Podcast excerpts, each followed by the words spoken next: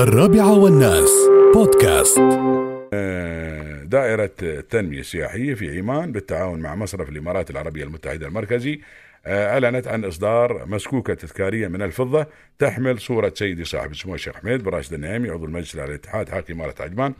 طبعا من جهة وصورة متحف عجمان من الجهة الأخرى حيث تعتبر, أو تعتبر المسكوكة الأولى الخاصة بإمارة عجمان من آه، بعد قيام الاتحاد العام 1971 وجاء إصدار هذه المسكوكة التذكارية تكريما لإنجازات سيدي صاحب السمو الشيخ حميد بن راشد النعيمي عضو العلي الاتحاد حاكم إمارة عجمان. الله يحفظه ويسلمه يا ربي. ودوره الرئيسي آه، كمؤسس آه، إمارة عجمان الحديثة. واحتفاء بذكرى مرور طبعا 30 عام على افتتاح متحف عجمان. والدور الحيوي الذي يؤديه المتحف بمقتنياته التراثية الدالة على التاريخ العريق لدولة الإمارات.